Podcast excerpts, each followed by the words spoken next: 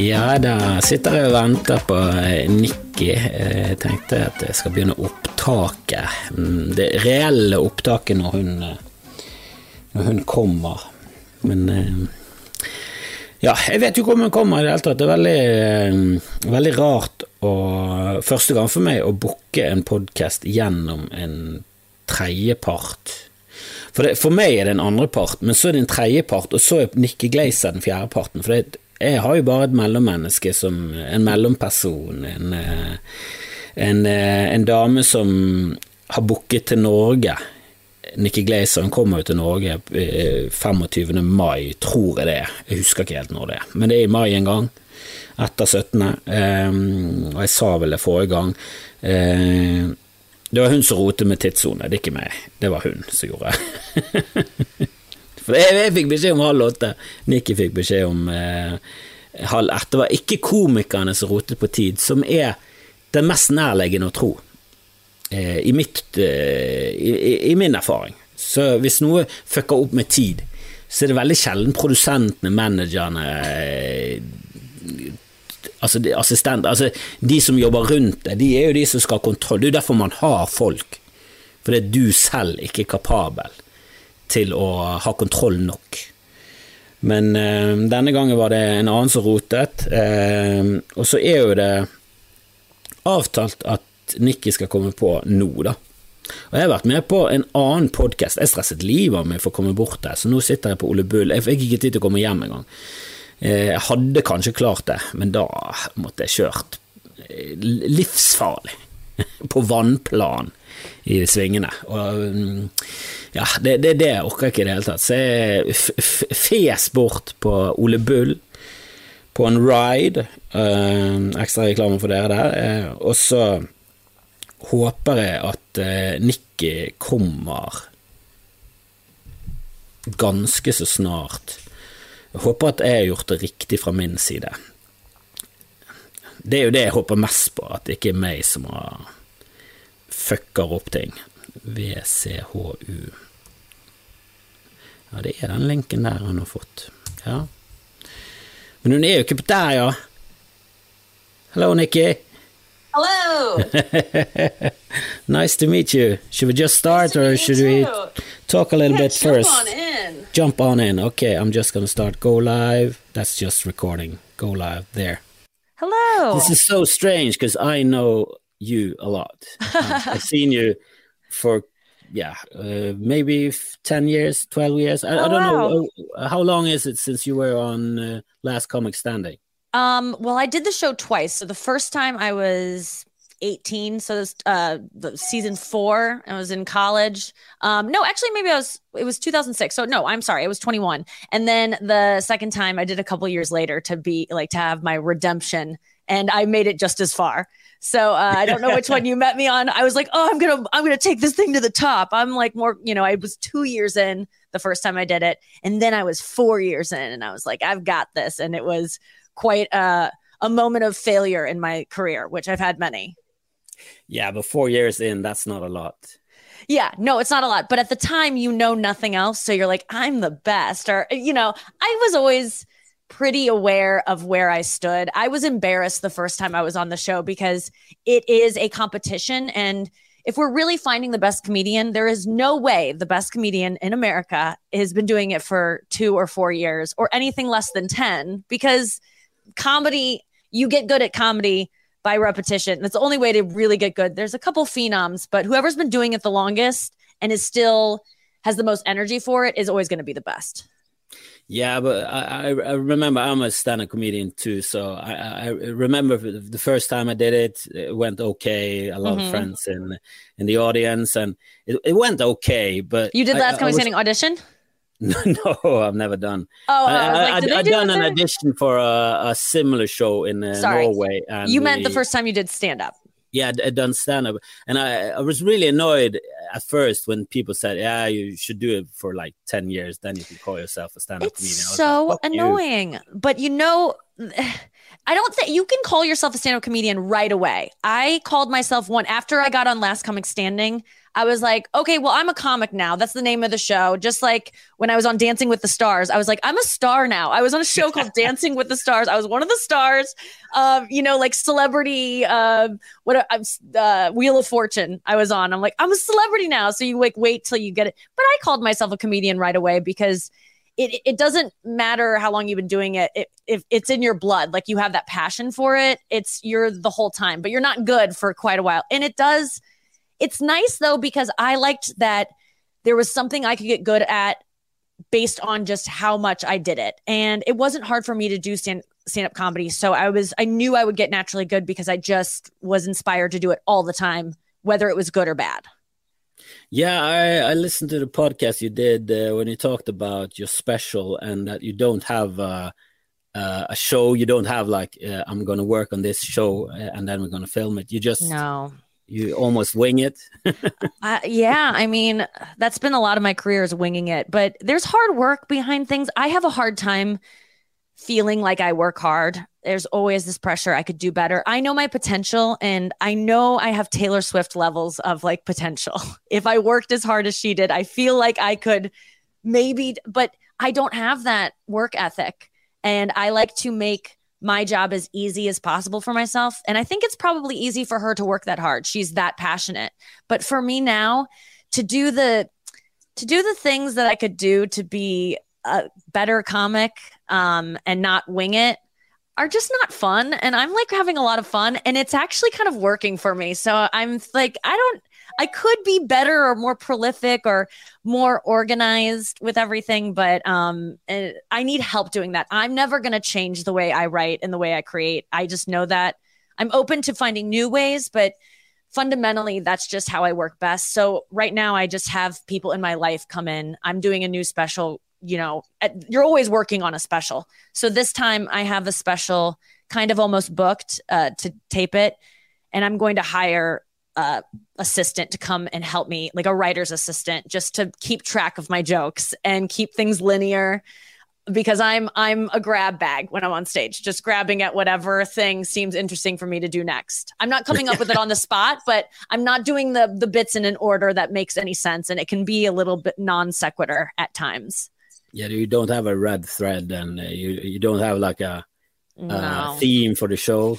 No, because I don't like theme is sex. yeah, I mean the theme used to be sex all the time because that's what I was interested in, and it was just it were just the jokes that seemed to do the best because I had that passion behind it of curiosity and wonder and awe, and I had the energy behind it. Um, but now I'm more, dr- I always said that I would stop talking about sex as soon as it didn't interest me anymore because I was never talking about sex because I thought it was like my ticket in or this is the easiest route or uh, I, that's what people like the most. It was just what I actually like to talk about. Um, but this tour, I'm, I talk about sex probably 15% of the show at this point, and it used to be 100% but it's just because my libido isn't as high anymore. It doesn't, I'm not as fascinated by sex. I'm aging and I'm hurt. I've heard it'll come back up with men like right before menopause and then it like dips. But for right now, I'm pretty like talking about sex is not that interesting to me because I'm just like, you know, not as horny. I guess yeah. you know it's like you're really you good at it. You have a lot of great sex jokes. Thank you. But, but I just like to time, talk honestly about it. Yeah, but the last special and the special before also you had uh, some different jokes, not about sex, and I thought they were also so good. It's oh, like thanks. Doug Stanhope. I, I remember I said to a comic one time, I was like, uh, he didn't like Doug Stanhope. He, he, right. he thought he talked about a lot of yeah topics he didn't find funny at all. You, you right. can't joke about that type of stuff. And I said, I, I, I bet that Doug Stanhope can do Seinfeld material and it's still going to be great. It's just it's that just he, what he, he likes. Yeah. Yes, and I totally agree. About, it's the same about you. I always saw oh, that. thank you. She can oh, talk that's about so nice. everything because I think you're, and I listen to the podcast a lot. Oh, thank lately. you. And you seem really interested in a lot of nerd stuff like history and you, yes. you, you, sound about the, the, same thing that I'm interested in, like uh, dark subjects, interesting yes. subjects. You don't go deep, you don't understand everything, the complexities. Uh, but you, I like to explore it in my. I yeah, do. I get, get really intensely into things I jump, I leapfrog from Yeah. one d- weird, just like plane crash, you know, conspiracy to like school shooting. But like I was really into Columbine for a while, and that's a thing I'm talking about in my act now because I really like. There's a, I'm doing a whole bit about pedophilia, and I because I read a lot about pedophile. I'm interested about pedophiles. I don't know why, and it's something I was always ashamed of, but now I'm like well there's like murder podcasts and pe- girls are allowed to like murder. Or people are allowed to really indulge in like gruesome murders and and talk about it and like but um and i have a joke now that's like you know there's there's a podcast like murders and martinis but i pitched you know pedos and pizza and they were like they're not responding to my emails. But i'm like that would be so i'm just talking about things yeah so pedophilia i'm not interested in sex anymore but i'm interested in um you know just talking about things that i think are right below the surface all the time for all of us that we encounter in our lives, but no one's talking about it. And for me, that's pedophilia now. And it used to be sex, but now I'm old enough and sex is kind of everyone sex.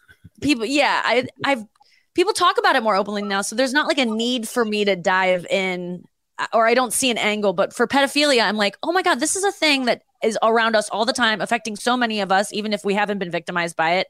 Um, and we need to talk about it a little bit more to make it less taboo to um, talk about and therefore treat, you know? But does it annoy you that uh, some people are are like you, you can't joke about that you, you can't joke about that but they can doesn't, they can they can uh, they can listen to a, a podcast a 10 part podcast about yes, yes. It's, that's I- also I, I just don't understand exactly. I I- absolutely, and I don't begrudge them listening to that. And I think that I com like you're saying, like it's it's exposure for the topic, and I'm not. I don't. I'm not doing jokes at the victim's expense ever. Not that you couldn't do that, and like I'm sure Doug Stanhope could find a way to make a joke about like. There's, I don't think there's any things that are off limits. And if you're offended by it, you're offended by it. Like that's okay. And that's, I can still do it and you can still be offended and that's okay. But just know that my intent is never to make anyone have a panic attack or feel triggered. But sometimes you got to trigger a little bit to talk about things that you need to be talked about. So there are casualties to doing this material. People are going to feel uncomfortable for a little bit. People might even like have a like kind of a panic attack uh, thing happen. You know, victims of trauma if they hear the word rape can like it can trigger something. So that's not going to stop me from saying that word on stage, but I definitely would owe you an apology for making you feel that way if you came to my show and were that triggered. I would totally feel bad, but I it doesn't I haven't stopped yet because of it, but I will still feel bad. I can separate the two. Like I can feel bad about things I talk about and be sorry about it and learn from it. But Yeah, of yeah. course, I, I can have. Uh, I, can feel bad after a show if I offend someone. Yes. Even though I, I, I, in my head is like, I don't understand how you can get Yes. offended by this at all. It's- They're not me it's so though. Strange. So- it's so strange what people are offended by. Because you can have a rape joke, you can have a pedophilia joke, you can have a, have a Holocaust joke, but they're really offended about that car crash joke. Right. Yes. It's they lost you know- someone in a car crash recently, like, yes. just Absolutely. a- and every time I- you can talk about any subject and you know someone in the audience is having like a personal you know uh feeling about it. Like you could I sometimes talk about this I- was the other woman in a relationship. This guy was cheating on his girlfriend with a, a girl that and I talk about the experience of being the the other woman. And I know there are couples right then who have forgiven a guy next to them for cheating on them and I'm representing this woman to them and now they're like kind of hating me but then I'm and then it's and I know that I might be triggering something like they're on a date night and I'm bringing up like cheating and they're like just let us like get back to the pedophile stuff you know? So um you just take that risk with anything you talk about I feel and I get offended. There are some jokes that I'm just like ew cool I hate it like they disgust me or they upset me or they you know I don't like any jokes at vegans expenses. I'm a vegan and I am a little precious you know, snowflake vegan. I don't want to hear jokes about how vegans are weak or, you know, like who's a vegan in the room? Oh, you can't raise your hands because you have no protein. Like, I just don't like any vegan, anti vegan propaganda and jokes. But that's my cross to bear. That's my, I'm offended to have, it- and I'm allowed to have is it. But is it the vegan that gets offended, or if, is it the comic that gets offended about the laziness of the joke? Because there Yeah. are Oh, uh. UFC fighters that are Both. vegan, so you can definitely have energy and still be vegan. Exactly. It- that it's it's a false premise that Yeah. bothers me. I like to have honesty in comedy even when it's an absurd premise, but it's just there's nothing uh, yeah, it's based it's it is a dumb joke that's been done a million times. I mean, tonight there will be a hundred men on stage saying, "Who here's a vegan? Oh, you can't raise your hands because you don't have enough protein." That Yeah. joke is done every night, a hundred times at least uh, in America, and so yeah, it's like it's also yeah. I'm a like that uh Seinfeld. Are you? I'm I'm not offended as a Jewish person. I'm offended as a comedian.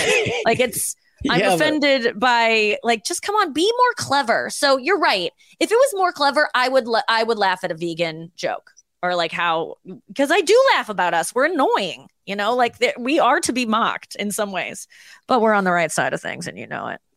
Yeah, I, I think you trigger people because they know that they are on the wrong side. You shouldn't eat animals. I do it. I feel bad. for yeah. Yeah, it. and you should. You should feel bad, but it's like I'm not. I don't hate you, and I'm. Tr- that's my next goal is to like make jokes that info what inspire people to become vegans. But because we're Oh. so loathed, Yeah, but I try to hard. to to have some material about. It's so strange that we eat. Not that we eat animals, but the the kind of animals we eat are babies. It's it's the young ones. We Yes. we eat uh, we eat the animals before they're really grown. So, so every, every like chicken, every pig, every every uh, if you kill a, a a deer in the woods, the younger the better. They- They're Yes. like tender. You you want the meat to melt on your tongue. That's like the- Yes, the, it's goal, and that's so strange. It's so sick that we It's eat the babies. I don't. When people are complaining about like my p- dogs and and cats and just like the animals we love and would never eat, I just like don't really have much. Uh, I'm just go well if you you can't really complain about this dog being abused if you eat meat. I just don't want to hear it because you have no idea.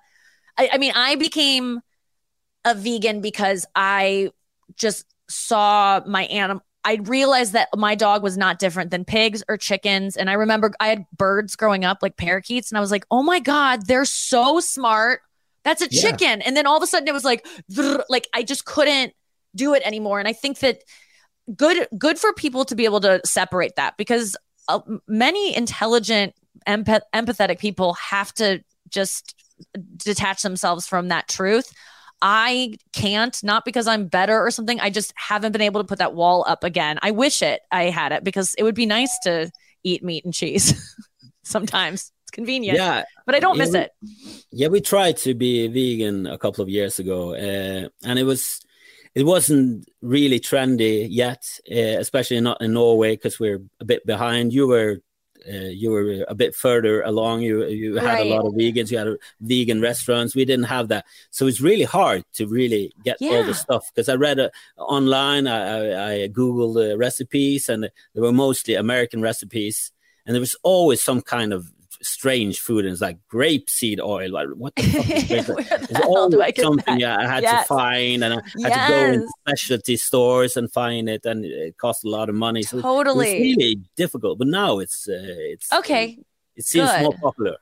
That's so true. And There is always that one ingredient that you go, well, not making that. You just sort of like stick to something that isn't exotic for like, yeah, but it's, it is hard to be a vegan.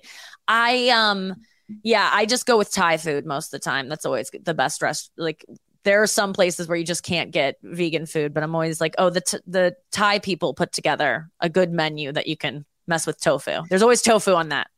Yeah, because Asia, they, they are Yeah.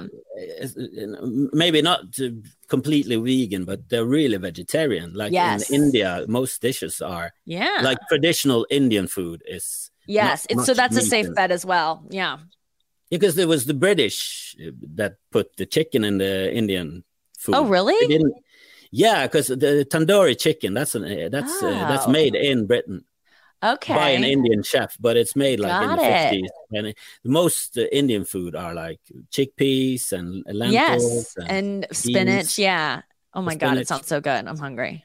yeah, what, what time is it in? Uh, you live It in St. Louis. I do. I live in St. Louis. It is what time is it here? Um, 148. Yeah. So it's in the afternoon. And um I've I've just woken up a couple hours ago. and packing. What time is it there? Is it eight? I'm guessing. Yeah, it's uh, About ten be eight. to eight now. Yeah. All Yeah. right. Yeah, that's pretty decent uh time different. Like you can talk to you can have a long distance relationship with someone in the states. There's a little bit of an overlap, but it'd be hard. A- yeah, East Coast, not Yeah. West Coast. Do you guys watch live events here a lot, like the Oscars, or are you just like the next day you'll get it? I have watched it uh, a couple of times. I'm a movie buff, so No- uh, yeah, I- nice. And I I, and I this Oscar, I I I regret not watching it. I, re- Uh, really love that movie. Everything. Oh, I haven't seen it yet. Did you see the Uh, slap live? Yeah. No, Oh, no, yeah. no. Uh, I I, uh, Probably I woke up to it. downloaded it. the next day, Gotcha. and I yes. saw it without spoilers, so I didn't Oh. know it was gonna happen. Oh no way! That's so good. So you didn't look at any news knowing because you wanted to watch the Oscars without any spoilers. So you didn't look. Yeah, the Oscars and the Super Bowl, I download the next day, Oh, smart. uh, And and, you- I have to wait because the torrent doesn't come before like next day or Got it. next day. So you have to do So I a media to blackout. Yeah, you you can't go on Facebook, Twitter, and nothing. You can't uh, Wow. read any newspapers, and because I feel like you're probably one of the only people that watched the slap live, like didn't know it was coming the next like uh, uh, later. I like that you like removed yourself. That's uh and watched it Yeah. like we all saw it. Just of like, did you instantly Google afterwards to go like, was that fake? Was it real? Are people talking about this? I instantly knew, knew that it, it wasn't fake. Because Me I'm a too. Yes. I'm a comedian, and, and people Exactly. was like, "Oh, that was staged," but how? was that How and why? Was Why was it funny? Like these are two like Chris Rock would never do something that wasn't that that wasn't funny and that was that confusing. Like it just and was his not. reaction afterwards is so genuine. He's in shock, and Yeah. he just keeps on moving. He doesn't reference it. It's just like wow, and then he goes, and the next nominees are. It's just the goes right wildest it. thing I've ever Uh, seen. Remember yeah, the Oscars when they announced the wrong Best Picture nominee? that was I Yeah, remember well thinking done. this is the craziest thing that I will know, ever happen on live television. The best picture out of all the nominees, the best picture is the one. And then three years, four years later, five, whatever it was, uh, we get the slap, and it's just like uh, you just don't think it can be topped. of Something that is insane. Oh, you can't top the slap. If you're gonna cannot. top the slap, it's gonna be insane. But they have a they had a streaker in the seventies. Yes, that's right. I remember seeing a clip. Uh, the English actor David Niven is on stage, and there's a streaker behind him, and he has a I don't know uh, I don't remember the but he had some wonderful comment because British people are always always Oh, great yeah. in award shows. And you had the Indian uh, or the Native American receiving the the Oscar for Marlon Brando's. Oh yeah, that's right. hmm And then someone interrupted Bob Dylan at the Emmys. Soy bomb. That? like ran on stage with a sign. I forget. Like, or no, at the Grammys. I'm sorry. Um, yeah, there are wild things, but the slap cannot be. It was just, I don't know. I, I'm still not over it, and I loved, uh, I loved Rock's response to it in the special, which I'm so sure you've seen. Yeah. It was great. Yeah, I, I didn't see that one live either, but uh, right. Another it. live event. Yeah, it was great. Yeah, because I have uh, I have a, a little son, so I, I need my sleep. So Yes. How old? you- he's seven. Seven. Okay. Yeah.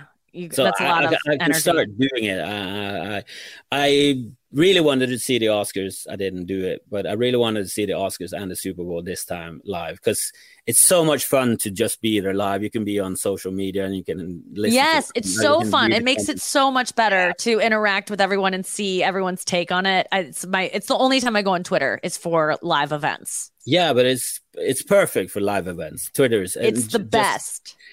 and it's so annoying and it's so demeaning as a comic to see how funny people are at Oh. once. They're you you you you're you're in your head and it's like, oh, I'm gonna write a joke about this, uh, and then you read Twitter, it's like, oh, I'm never gonna. I know it's it. That's what makes it fun. It's a race to the best joke, Yeah. or it's a race to at least have that same joke that a bunch of people did around the same time, like, and Yeah, then you have to delete it. Just like, uh, mine's not as good as Yeah. his. It's, Um, like the seconds. It's like, I was two seconds before that. It's a one. ga- it totally is a game. It's fun. I I got to do that next time. I'm wondering what's coming up next. Uh, I missed Rihanna. I was in I was flying during the Super Bowl, so I missed everything. But I uh yeah, I loved Rihanna's performance. That's all I saw, and I I loved it. People thought it was boring, but I I was like I thought it was great. Yeah, Trump hated it, but oh yeah, my dad also didn't like. My dad disagrees with Trump on everything, I guess, except that because um, I I didn't realize Trump had said. What did Trump say about it?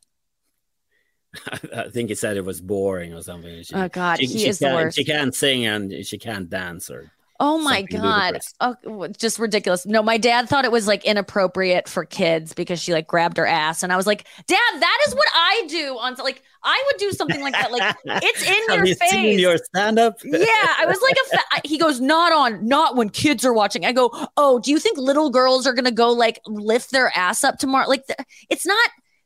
Give kids some credit. It it, first of all, and it's on TikTok all over and gives kids some credit. When I was a kid, I looked at things adults did and I thought maybe I'll do that someday, but I wasn't like I'm going to do it now. You know you're a kid, you know there's certain things that are that adults do and you don't, you know, it wasn't grotesque. I was super I was like, "Dad, you were on the wrong side of this. This was awesome." Yeah, it was just it was a girl in Norway or uh, a young woman in Norway. She's an influencer, and she was on Instagram, and she said something about life is so much better when you just don't give a fuck. And her friend was uh, holding a, a, little bag, and it was obviously cocaine. And people pointed it out, and she took it away from Instagram.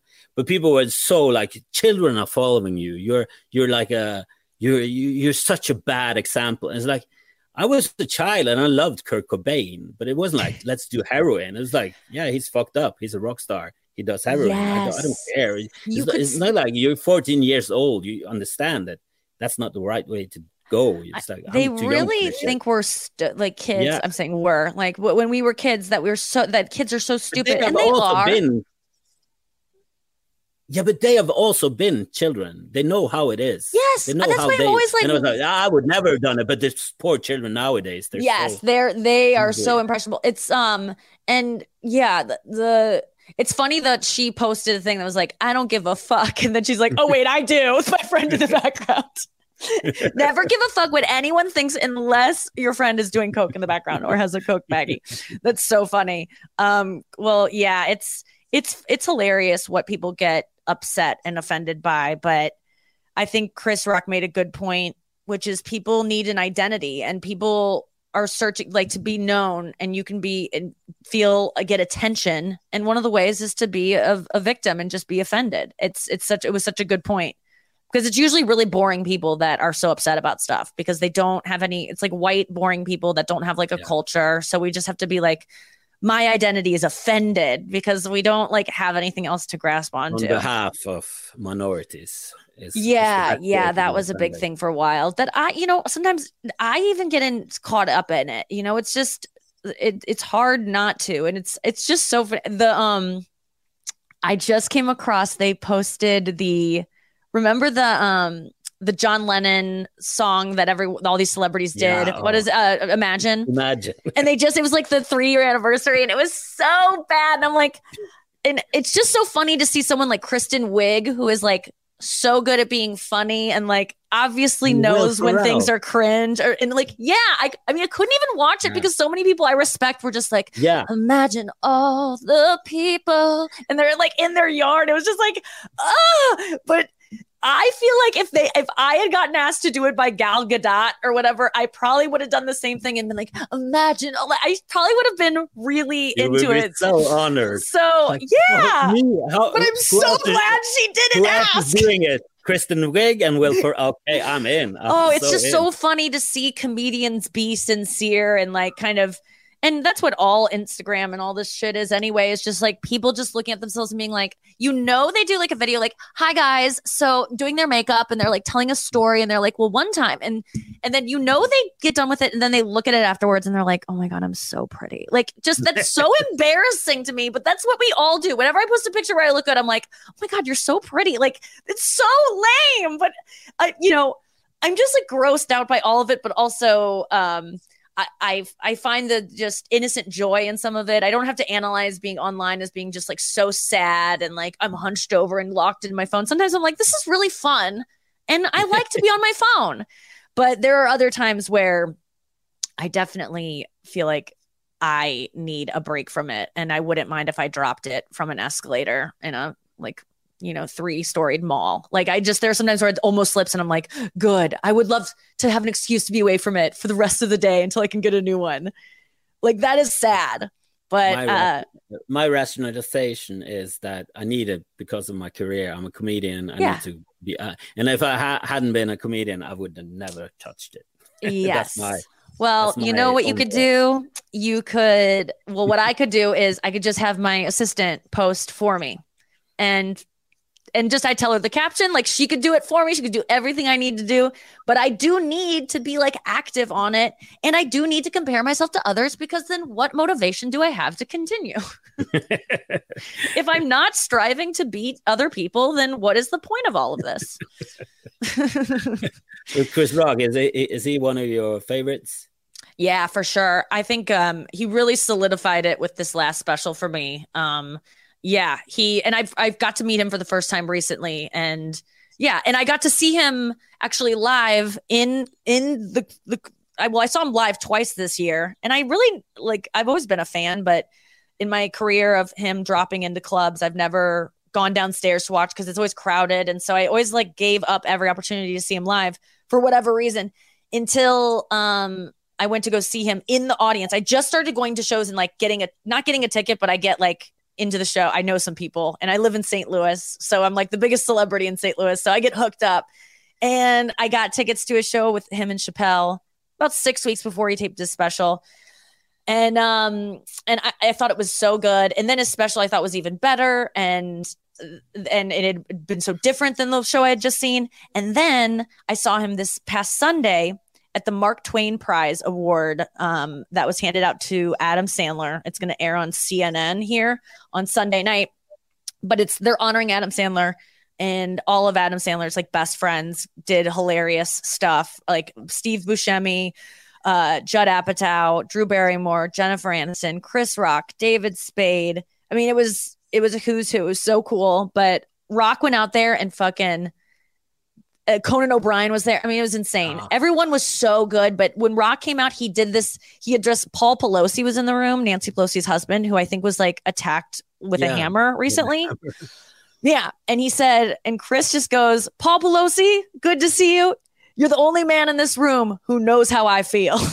who, like, he said something like that. And it was like, and Paul had been called out a couple times, and everyone's kind of like, isn't he hit? Wasn't he hit with a hammer? Like, everyone, it was like the elephant in the room. And then Chris Rock just broke it open. It was so, and Paul was laughing, and it was just like, oh my God, we're acknowledging, talk about talking, ab- making a joke about something that is not funny and like how are you ever gonna i would never touch that but rock was able to touch that and not only touch it but like it really changed it like let the air out of the room the like stuffy kennedy center like in a different way it was so funny he was so good and he did a couple jokes that he what didn't um put in his special but that he's been doing on the road and it was so funny and so good so um yeah it's he's been uh he's been fun to like get into recently. And I went to go see Nick Swardson live. That was a great experience. I'm trying to think who else I've like sitting in the crowd is quite a different experience than being in the back of the room or on the side of the stage or backstage. Like that's how usually I consume comedy because I don't really like watching specials because it's just so I don't know. It's just it doesn't feel like watching live stand up. I think it's a bad representation a lot of times. Thank God we have it, but it's just never it's not the same as live sh- shows. No, it's uh, stand up is definitely best live, but it's so much funnier to go and watch it and just be an audience and just and and because if you're on stage and uh, you, you're the headliner and you're watching the first guys or s- something like that, you're always comparing and you're always in your uh, in your head Yes. working on your stuff, so you're never in the moment. But if you just decide that I'm gonna go see this show and I'm gonna enjoy it, I'm just yes. gonna have a great time and just, just gonna laugh. It's so much. It's so much better. It's so Just- fun. I and I never did it. It was always something I didn't want to do on my nights off, but I have way more nights off now and I want to learn from the greats. I think for so long I turned myself off from it because I didn't want to be too influenced or I didn't want to compare myself, but now I feel like I can just uh, enjoy it and uh and learn from it and be inspired by it. I mean, Bill Burr recently really inspired me. And those were just like clips I saw on, you know, Instagram reels where I'm like, whoa, this joke just stuck in my head in such a good way that's going to change the way I think about things. It's so honest. And it made me go, okay, I want to be this honest. I want to be this in your face about stuff that we're all thinking and not pull any punches. And I, so I get inspired a lot by just watching comics take bold swings. Ah, he's so great. He's so great. Yeah, he's one of he's one of my favorites. Uh, Bill Absolutely. Chris Rock, and of course Chappelle. But I think Chappelle was so much funnier before he got so man. He's so he's so uh, like um, I, I struggle People to change. find it. But he's so it's that like the trans things. It's Yeah. it's so- That annoyed me as well. The obsession with that. He's so obsessed about it. I'm gl- I'm happy to report though I saw him um with when with Chris Rock uh, like you know probably uh, 2 months ago at this point and he was fantastic. I mean Yeah. when that guy wants to turn it on and be he's just flawless and comfortable on stage and with himself in a way that I it's just so few performers ever even reach that level of I remember of comfortability. I remember one time seeing Dave Chappelle on stage years ago and saying to my friend as we were watching, I said, he is more comfortable up there than I am in bed.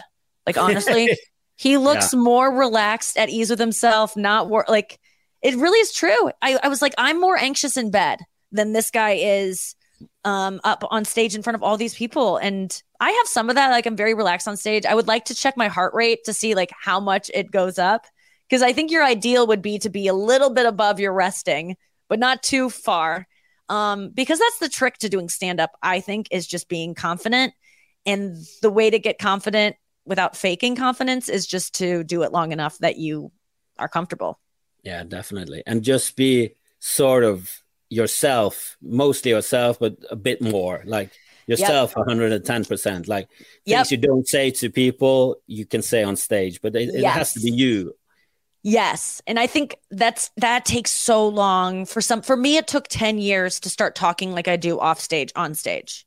Then it's just for whatever reason it wasn't a conscious decision. It just started happening and by like I've been doing it 20 years. I think by like 13 years it was that was cemented. That was like the way I talk cuz it used to be more like set up punchline. I was doing an impression of like Sarah Silverman and Wendy Liebman and I mean whoever I was watching at the time, Amy Schumer and it wasn't like I was trying to be them. I just didn't know. I didn't know what was funny about me. And so I was trying to be, and I still don't sometimes. And I sometimes I do lean it. I like, it's rare that I just, I've been noticing more often that I can make people laugh just by being like not even trying to be funny is like, a I and I go, oh my God, I guess I'm just funny. Like whenever I get a foot massage, everyone in the place ends up cracking up at me. And I don't even know what I do. It's because I'm just like, oh, it's a little too hard. And I'm like, oh, thank you so much. Or I'm like, oh God.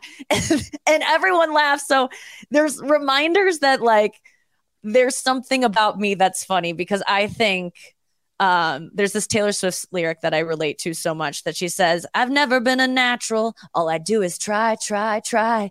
And it's like, I've always felt like I'm not naturally funny. I just decided to start trying to be funny. And I was good at that. But you seem naturally funny. You seem like you're uh, like in a podcast. You just just talk about things. You talk about interesting stuff, uh, find, Yes. uh, articles you found on the internet and stuff you read about and stuff you heard or stuff you Yeah. listened to, to in a podcast, and you just start babbling on, and it's Yeah. funny. Oh, It's thank you. Already, Yeah, I it's it's just a thing I question because you just compare yourself to like i have some friends that are just the everything they say is funny. Like the way they talk. Theo Von, are you familiar with him? yeah. yeah, he has a There's no funny- one there's no one who's funnier naturally than Theo Von because I do believe I've studied him. I've watched him while being on his podcast. I'm always just amazed at how funny just can't help. Everything he says is funny. Everything. And um and David Spade is also like that. It, just hanging out with them. Uh, there are certain people that just can't help but be funny all the t- Rachel Feinstein and I compare myself to them and I'm like I'm not that I wasn't like the class clown but I do I think if you've been doing it long enough you can just turn it on and I know I know how to be quick now I know um joke structure and so I can but I, yeah I definitely think I'm naturally funny but just maybe not as much as someone like Theo Von who I'm like that's that's what you would aspire to be that's where you go. Um, I'm tired of being told by people who just met me, like, you're a comedian. You seem really sad. And what? My therapist used to say, You are the least funny person I have ever met. For a comedian, you're not funny. You you take everything so seriously. You're supposed to be light. You're a comedian. I'm like, I'm talking about my trauma. I don't like what, do, what do you want from me? She was so mean. She goes, I'm funny. You know what? I'm funny because I laugh things off. You are too serious. I'm like, I do this for a living, bitch. It, I mean, and then I, you know, stayed with her for five more years because she was kind of abusive. yeah, she was mean yeah, to me. So I was like, I'll stay with you forever. I'm funny on stage, but I'm not that funny off stage.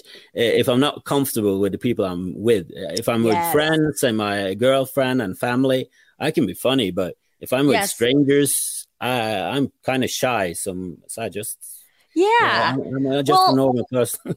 you probably most comedians don't have the guts to do it unless people have told them they're funny. Like I, I was told you should be a comedian a lot one year of my life. And that's what made me finally go, okay, I'll look into this.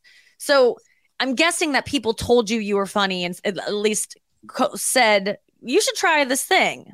And no, i have known that I'm funny since I was a child because I always really? like to do stuff to make people uh, laugh. Oh, in my really? family we laugh a lot and we roast each other a lot, and I've always gotten laughs. So I knew I, I knew that I was funny, but I, I I don't need to be funny if I'm with strangers. I think I take I a lot either. of chances in my uh, comedy. I, I, go to dark places, and I've gotten burned a lot with strangers because you, you, do some off joke about rape, yeah, and people get yeah. shocked, and I'm like, oh, I'm not yeah. with comedians. I can't no you have to learn. people.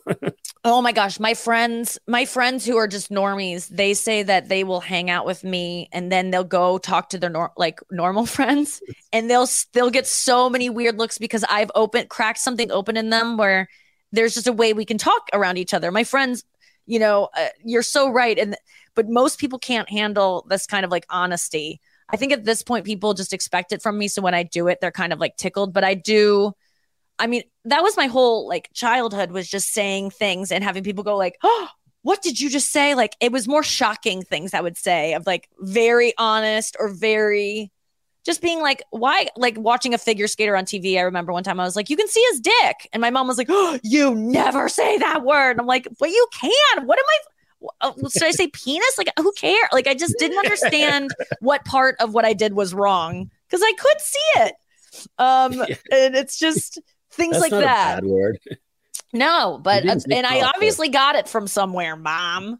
Like, you know, and uh yeah, so there's stuff like that, like just noticing that I I just stayed quiet through high school and middle school because I would either go too far or do something really dark and like make people look at me weird or yeah, I just yeah, I always I think I relate to what you're saying about like feeling like I should probably just keep it quiet cuz people don't really get my sense of humor. Yeah, but I don't have I I, I don't get easily offended, uh, and I can I talk either. about traumatic stuff in my own life, in your life. I I, I don't have any problem with it, and I can do it seriously.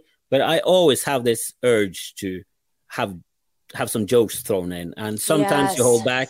But if you're with people you trust and people you like and comedians, you can just yeah. throw them out, and people don't judge easier. you. That's the whole the yeah. whole thing is uh, that's why I love hanging with comics because yes, they, we they are all judge, judge you at all. No, and, they and don't. They judge you if you're, you're hacky. If you do if you do that vegan line, you get like oh yes, yes. But I can go to the comedy cellar, and I haven't been there in seven months, and then I just sit back at the table back there in New York, and there's just like whoever, whatever comedians are there, I can share something that happened to me that day in my relationship. I can talk about feeling like I have a porn addiction and we laugh about it, but you can talk about really honest stuff and no one yeah. no topic is off limits. It's like we're all autistic.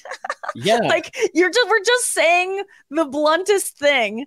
Um and I that's what I love about it too. It's just nothing is and because we can talk about stuff, we can work through things quicker. We can we're not like surprised. I just I hate boring conversation where you're not getting into some like nitty gritty stuff or someone's not being a little bit vulnerable, it bores me. And I don't, I want more people to be inspired to do it. I think that's why I talk so like I do on stage. Like, see, this is easy. Tell me, tell me about your molestation. And people like come up to me after the show and they're like, I was also, I like, I don't, I wasn't molested, but they're like, I was molested. And then they, as we're taking a picture, we'll be like, hi, say cheese. And she's like, I was molested when I was three. and I'm just like, hi. Oh, I was like, really? Oh my God, that's crazy. Thank you for sharing that with me. And she's like, yeah, it was my dad. I'm like, oh my God. Like it's just, but it's just, it, it allows people to talk about horrible things that are going on in their lives or in the past and talk about it more frankly um, and it's it's really nice to hear that. I'm always so uh, amazed when people candidly tell me about their molestations after my set. I'm like, okay, good. I got I got people to open up a little bit more. Yeah, and I love comics that opens up on stage. That I can open up. Uh, I can say stuff on stage that I've never told anyone before. Me too. I, am really ashamed of the, uh, those thoughts or the thing I did, but I yes. open up on stage and if people laugh and they're with you and they and they and they like uh, yeah I, I, I can i can see where you're going and i can see what uh, why you did that. It's so it's just an affirmation that we're all fucked up. Nobody's normal. Yes. We're the laugh that you get is yeah. that saying they're sometimes laughing at you if it's so absurd but there's a big f- fraction of the audience that you know is like oh my god i do that too. Like i have a disgusting joke where i talk about like pulling a tampon out one time in bed because I wanted to masturbate and I just needed to get it out of the way. And I've set it like on my bedside table because I just I was about to come, so I didn't want to like run to the toilet, you know. So I was just like, I'll just set it on top of this can. It was like one of these can, like, you know, a can. And it was an old can that I hadn't used in a while. So I just put my tampon on top of there. And then I forgot about it because I'd like, you know, did what I needed to do. And it just, and then I went out of town for the weekend and I came back and there's like this tampon that's been sitting there all weekend. My room smells like a fish market and it's like horrifying. And I, at first, I was telling that story and I was getting laughs, but I thought they were mainly laughing at me, like how gross. But it's not really gross because I explain it. I'm like, this thing that I, I, had to do, it's not my fault I have a tampon in. It's not my fault that it, I think men can understand if you're about to orgasm, you don't want to go walk 20 feet and flush a toilet. So I get people to understand my thinking. And and it wasn't really, it was, you know, I explain it, but I think at first people were so grossed out by it, and that's why they were laughing. But then I had a lot of friends be like, I've also taken my tampon out when I've been in bed before and been so lazy that I just and so a lot of girls have done. I'm like, and now I'm like, okay, good. I'm not like totally disgusting. It makes me feel good. It makes them feel good and we all have a good laugh. It is so much better to talk about these things, all the shameful things, all Shame. the things that you've been told you should never talk like that. You should never say that. Oh, shame especially, especially women, deadly. they get all the blame, all the shame when it comes to sex and stuff. They're like, you shouldn't yes. talk about your bodies. You shouldn't talk about that. And it's so much better if you're open and we're like, I, I, I don't like this about myself. I have these thoughts, but and people but are like, yeah, I have these. Thoughts. It's not too. my fault it's not my fault that I have these thoughts. Like I'm I'm I can't help what I think. You really can't. Like it just kind of pops up. So um it is nice to, to pedophiles. Yeah, I can't like that. I help that I am interested in that, and it's just what I like, and it doesn't mean that I'm a weirdo, or like it can mean that I'm a weirdo, but it doesn't mean I like to. I I am a pedophile. Like that would be weird for me to be open. But I mean, actually, they probably would do something like that because they're sneaky bunch. But um, that's how they'll get closer is studying them. So I yeah, I wouldn't don't rule anyone out, but I am just like not a. I was ashamed of le- being into pedophile stuff for so long. I told my friends at first, I'm like, here's this podcast. It's really good. I'm obsessed with it. My friends were like, okay, well, I don't really want to listen to this. I have kids. And so it was a little bit like, okay, is this weird? And then I eventually opened up on my podcast and talked about my interest in it.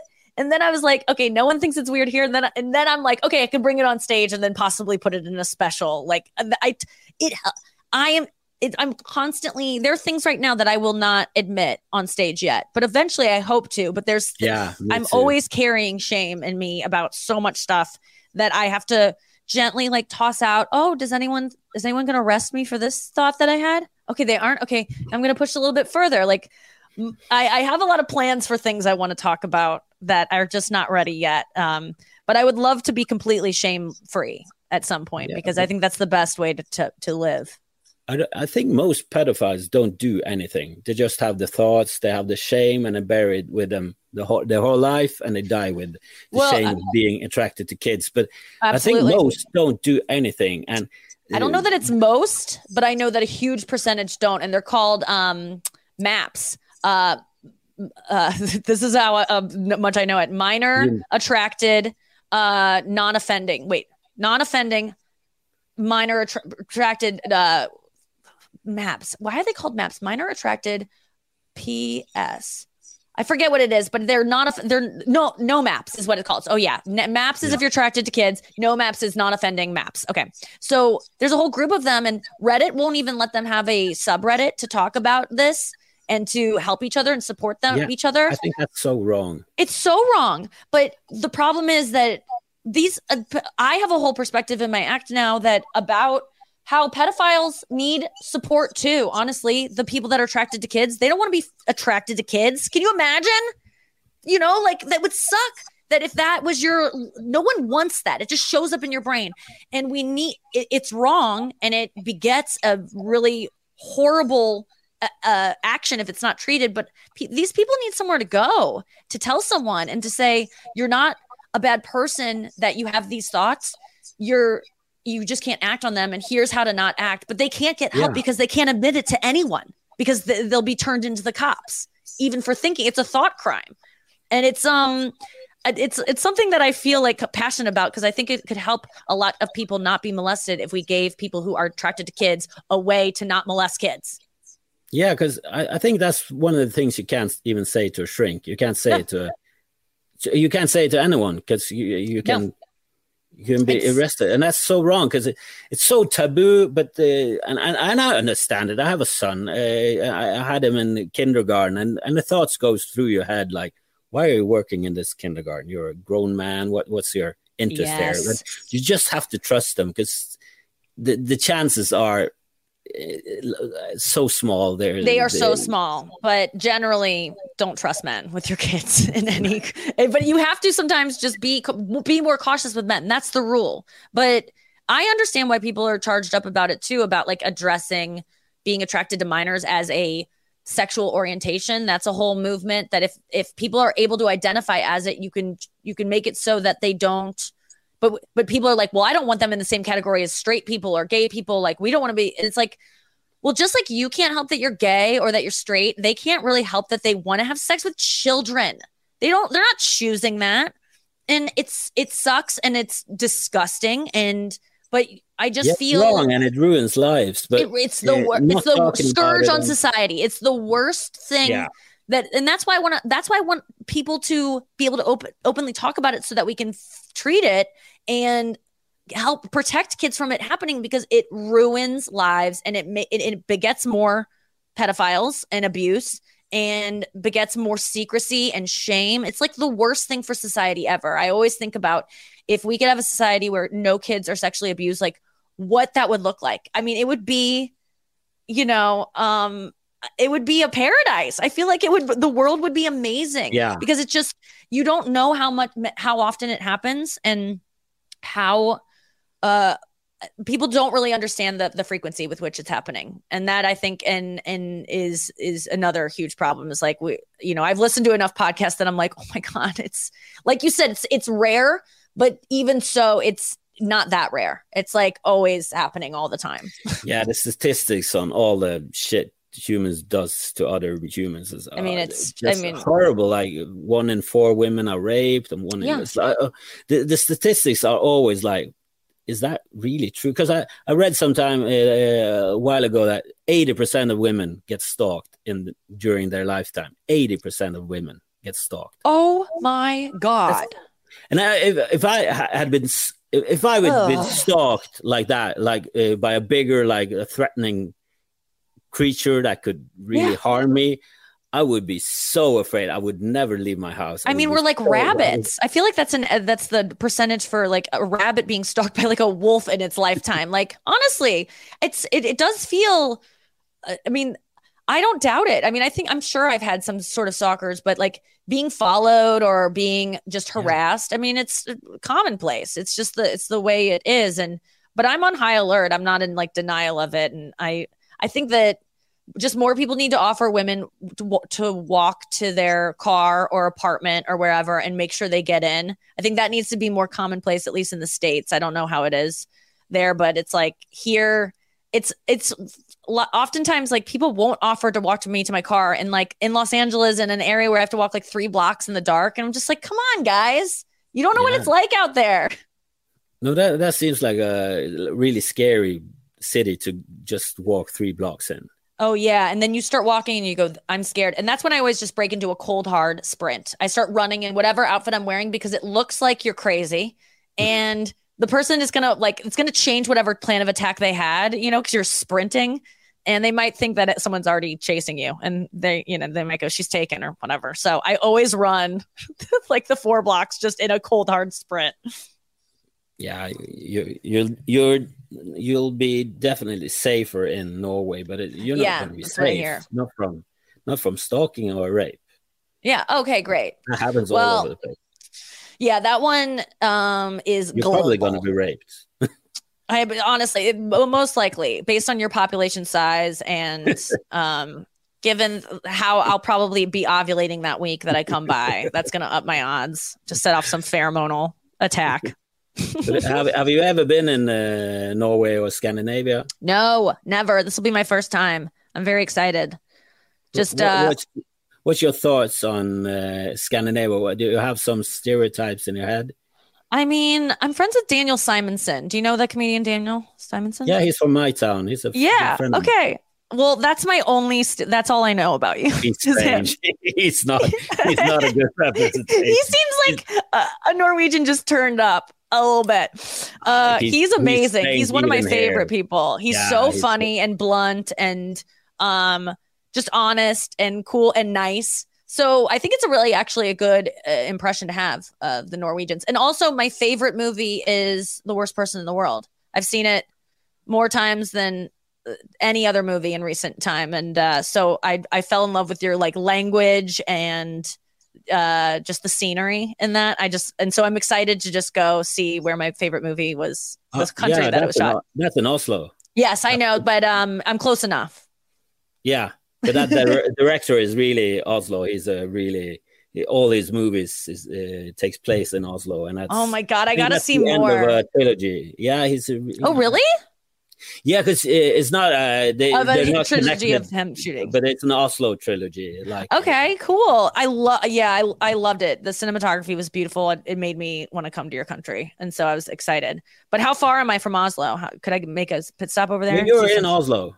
i am Yeah, that's where you're doing your show. okay that's what i thought okay good oh Yeah. yeah so That's um the biggest city in Norway. It's like okay i'm so excited yeah i'm gonna go to all the pl- places in that movie and uh and like see because it was and, and so i yeah i are my favorite movies from your country so i'm excited to go. I'm trying to think of other things. You're nice clean um white um qu- quirky awkward sometimes. I don't know.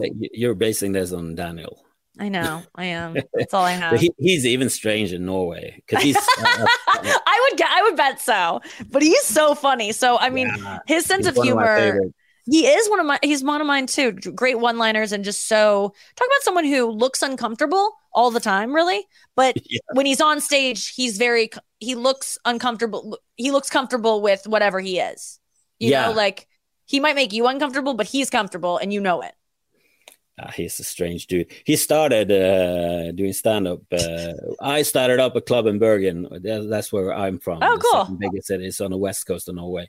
And he started uh, in our club, and he was so horrible uh, in the in uh, in the in the start because he he was as honest as he is, but there Oh, but he was had no punchline. person. He had no stage presence and delivery. He had the strange. He had the same presence, but he wasn't funny. So it's just Oh. awkward, and it was just cringy. So everybody was just cringy, and they were so hoping that we would make this funny because he was like, "I have stayed in a sanitarium. I've been in a sanitarium because I had so much anxiety." And then he, there was no That's a really good. It was, like- it was just a guy yes, oversharing. yes, yes. He would have nothing. I mean, Everybody he makes like, me laugh. Just he's Please. another guy that's just funny the way he talks, like every Yeah. the, his cadence and yeah. You just did a perfect Daniel Simonsen. He was like, yeah, he's he always cracks us up. He's a great. Whenever he comes to the comedy cellar and I see him, I'm always like, join my table now. You are hilarious. You are going to spice things up. I am just going to ask you things like a jukebox, and you're just going to answer me about your like personal life. He's just an open book too, which I really appreciate. Yeah, I love that guy. He's he's going back to Bergen, I think, next week, and I'm gonna have a lunch with him because he's nice. He's one of my oldest friends in comedy, and he he wasn't even funny in Norway, and he left and he started going to his, his clown school in France in Paris, and then he moved to London, how do I not got, know this? That's crazy. And he got kind of big in London, like in in the UK. He won some prizes. And he, okay. He and he started uh, warming up for bigger comedians and started touring. And he got on TV. And then it was like, oh, I'm going to New York. Gotcha. started from scratch again. All right. Well, got into the comedy cellar in eight. Yeah, and that's where he's been for. So, in I think he just did a short film where he played a goblin that lives underneath a bodega.